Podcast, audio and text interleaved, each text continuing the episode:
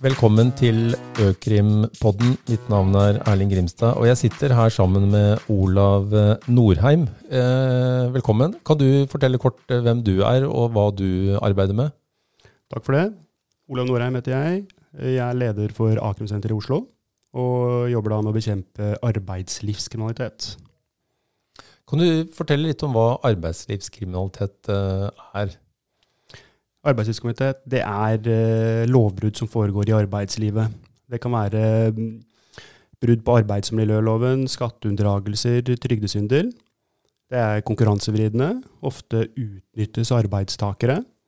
Og uh, vår oppgave er å bekjempe dette her. Mm. Og jeg forstår jo at dette er jo en satsing som ikke bare skatteetaten Nav er involvert i. Kan du si litt om hvem, hvem er etatene som arbeider inn mot dere i a-krimsenteret? Etatene som er en del av senteret, det er politiet, skatt, Nav, Arbeidstilsynet, toll og kemner. Eh, så vi sitter samlet. Vi har en kontrollgruppe som er ute daglig og kontrollerer eh, bedrifter. Og så har vi en analysegruppe som uh, innhenter kunnskap og etterretning om situasjonsbildet der ute. Ja. Så jobber godt sammen. Uh, stor uh, og god tverretatlig enhet. Og vi ser stor merverdi i at alle sitter samla og jobber, istedenfor at man sitter på hver sin tue. Da. Ja. Og det gir seg kanskje selv, men kanskje du kan si tydelig hva er rollen til a-krimsenteret? Vi har tre mål. Um, vi skal bekjempe sentrale trusselaktører. Dvs. Si bakmenn. Ofte ser vi at det er bakmenn som uh, driver med a-krim og har tilretteleggere og hjelpere. I tillegg skal vi påse at uh, utenlandske arbeidstakere får uh, rettighetene sine ivaretatt. mange utnyttes, så det er viktig for oss å være der ute både å forklare dem, og når, av, når vi avdekker det, gå videre med de sakene. Um, og til slutt så er det viktig for oss å bidra til at forbrukere og oppdragsgivere ikke bidrar inn mot a-krim. Og slik som vi er, sånn som i dag, ikke sant? å være ute og fortelle litt om hva vi jobber med og driver med. Mm. Vi har sett av eh, etterretningsrapporten som eh, foreligger, som forteller litt om eh, truslene. Kan du, kan du, gi noen eksempler på hva dere ser av trusler som rammer virksomheter som tar i bruk tjenester fra de som er involvert i arbeidslivskriminalitet?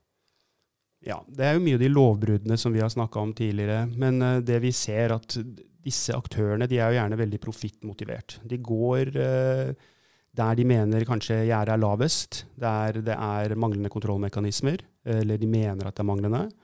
Så Derfor er det viktig at både forbrukere og oppdragsgivere de har gode kontrollmekanismer rundt dette her. da. Uh, I tillegg så ser vi ofte at uh, det er både en lovlydig fasade, og det er en fasade som er uh, Kall det kriminell, da. det er ikke så lenge Det er ikke, det er ikke så ofte vi finner helsvarte virksomheter lenger, slik som man kunne gjøre tidligere, selv om vi gjør det òg. Men det er mer vanlig å ha en sånn fasade, for man vet at myndighetene kontrollerer på dette her. Mm.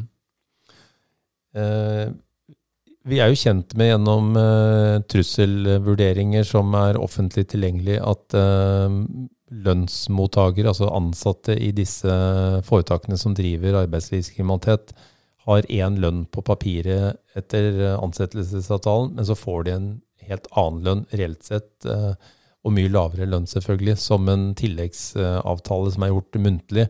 Dere, ser dere det i en del saker? Det gjør vi dessverre. Vi ser noe som uh, vi kaller for payback ofte. Mm. Det vil si at man, noen bransjer har jo uh, allmennregulert uh, lønn som skal utbetales.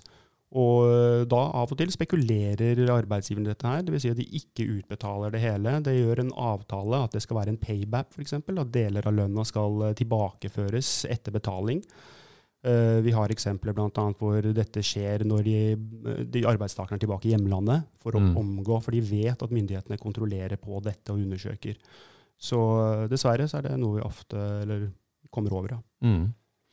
Og så har vi hørt om uh, pengemuldyr, som mange av disse aktørene har brukt, i hvert fall historisk. Det er jo noen dommer som viser at personer ansatte i disse foretakene har gått rundt med lommene fulle av kredittkort, nærmest tatt ut eh, mindre beløp fra minibanker og gått fra minibank til minibank. Er det et mønster dere fortsatt ser, eller bruker eh, disse aktørene mer nå kontanter og rene kontanter for å ikke sette spor elektronisk på noen måte?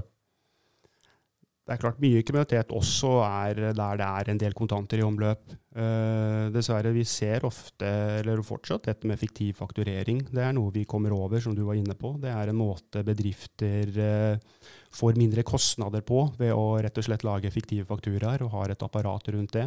Og, det er nettopp det du var inne på i stad. Mye av arbeidslivskriminaliteten, den alvorlige arbeidslivskriminaliteten, er jo organisert. ikke sant? At det er en person kanskje på toppen, og det er tilrettelegger og hjelpere rundt som uh, administrerer og hjelper til å iverksette dette her. Så, og dessverre så ser vi også inn mot noen bedrifter, vi var inne på dette med lovlydig fasade og en kriminell fasade. Dessverre har vi eh, bl.a. f.eks. i den siste rapporten vi gikk ut med nå, bilpleiebransjen, sett eh, koblinger inn mot både hvitvasking, vinningskriminalitet og narkotikakriminalitet også. Mm. Fortell gjerne litt mer om det med bilpleiebransjen. Eh, vi, vi har sett de eh, resultatene dere har kommet opp med, og det er jo ganske skremmende tall eh, å lese derfra. Blant annet så sier dere at i 68% av virksomhetene er minst én av aksjonærene eller rollehaverne tidligere straffedømt, i hovedsak for arbeidslivskriminalitet. Det er ganske høyt tall. 68% har tidligere dårlige historier knyttet til akkurat samme tema. Ja, dessverre. Eh, det er klart når vi går ut og gjennomfører kontroller Dette var jo basert på 37 kontroller vi gjorde i 2019. Så plukker vi ut på bakgrunn av risiko. Så det er klart vi, eh, vi leter der vi venter å finne noe. Og dessverre, mange av de her er kjente for oss fra før. Og, dessverre så virker det som de ikke innretter seg nødvendigvis heller. Og det var en av grunnene til at vi gikk ut med denne bilpleieporten. Nettopp å gjøre forbrukeren oppmerksom på problematikken. Bidra, kjøper du billige tjenester, er det tilbud for eh, lavt til å være sant, så kan det ofte være på bakgrunn av arbeidslivskriminalitet. Mm. Og, så så jeg at I samme rapport så står det at 43% av virksomhetene i 43% av virksomhetene var bruddene gjentagende. Ja, spesielt på arbeids- og miljøloven-siden eh, så så vi at uh, der var det gjentagende brudd, selv om man har fått uh, si, beskjed om det tidligere, om å innrette seg og følge regler og, og, lover på det, så ble det ikke noen forbedring der. Da. Nei. Og i halvparten av virksomhetene dere kontrollerte i bilpleiebransjen, så fant dere ansatte som ikke var registrert som eh, ansatte eller lønnsmottakere, som det ikke var innberettet eh, lønn for. Mm. Og Det er ofte en metodikk som brukes både i forhold til svarte utbetalinger, og kan i verste fall også være en måte å utnytte arbeidstakere på. Ja. Og videre så fant dere i 20% av virksomhetene at det var en eller flere som mottok Nav-støtte, altså rene trygdebedragerier, sånn som jeg leser det. Eh, og i 40% av de kontrollerte virksomhetene var det avdekket underrapportering av omsetning og avvik i kontantomsetning, altså noe som tyder på svart inntekt. Kanskje ikke så veldig overraskende med det du allerede har sagt? Nei, dessverre. Det er jo absolutt en uh, bransje vi finner Eller delebransjen finner vi en god del lovbrudd. Uh, litt av problematikken tror jeg at det er en god del stråmannsvirksomheter der. Uh, dette er jo en bransje myndighetene har kontrollert mye gjennom tidene. Og vi ser at i hvert fall delebransjen fortsetter å begå a-krim. Mm. Uh, konkurskriminalitet. Og de har metoder for å eh, ja, annet med stråmann, som gjør det vanskeligere oppgaven. Men vi har et godt bilde av hvordan situasjonen der ute er, og vi fortsetter å kontrollere denne delen av bransjen. Mm. Og så viser denne rapporten også at det var 40% av virksomhetene som manglet uh, utslippstillatelse eller ikke hadde tilstrekkelig innretning for å ivareta miljøkrav. Uh, det betyr jo at det er en ganske klar kobling mellom arbeidslivskriminalitet og andre regelbrudd, som her eh, miljølovbrudd. Er det en riktig oppfatning?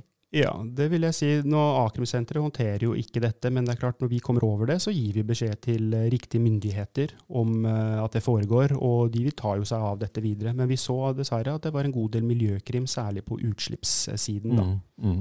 Og dette er altså en undersøkelse som dere gjorde av bilpleiebransjen i 2019. Kan du si litt om hvilke bransjer er sånne typiske bransjer hvor dere ser at det er høy risiko for arbeidslivskriminalitet? Noen av de bransjene vi ser på som vi mener er forhøyet risikobilde, er bygg og anlegg, eh, transport, verksted, bilpleie har vært inne på, eh, servering, renhold. Eh, gjerne bransjer der det er lav krav til etablering. Eh, kanskje man ikke trenger så mye godkjenninger, kanskje lav krav til eh, utdannelse.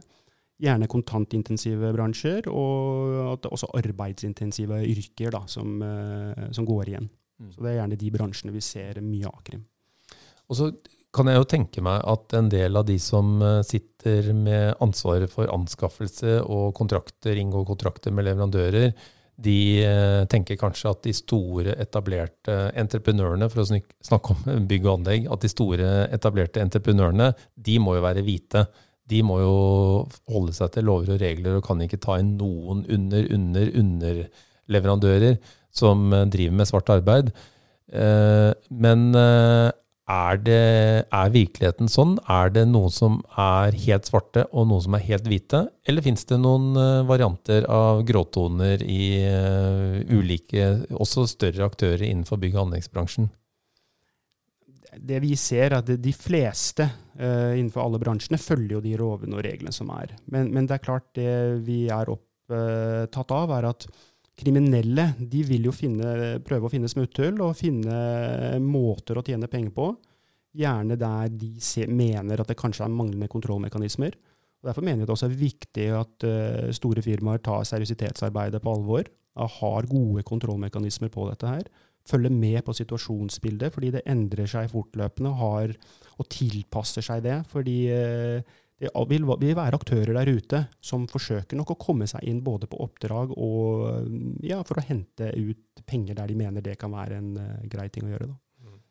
Og så er det kanskje også sånn at uh, i uh, forskjellige deler av en byggefase der hvor du kanskje må forsere arbeidet, du trenger flere ressurser, du mangler mannskap osv., kan det være enklere for oss en stor entreprenør å ta i bruk de som er i en gråsone, eller i verste fall eh, svarte entreprenører.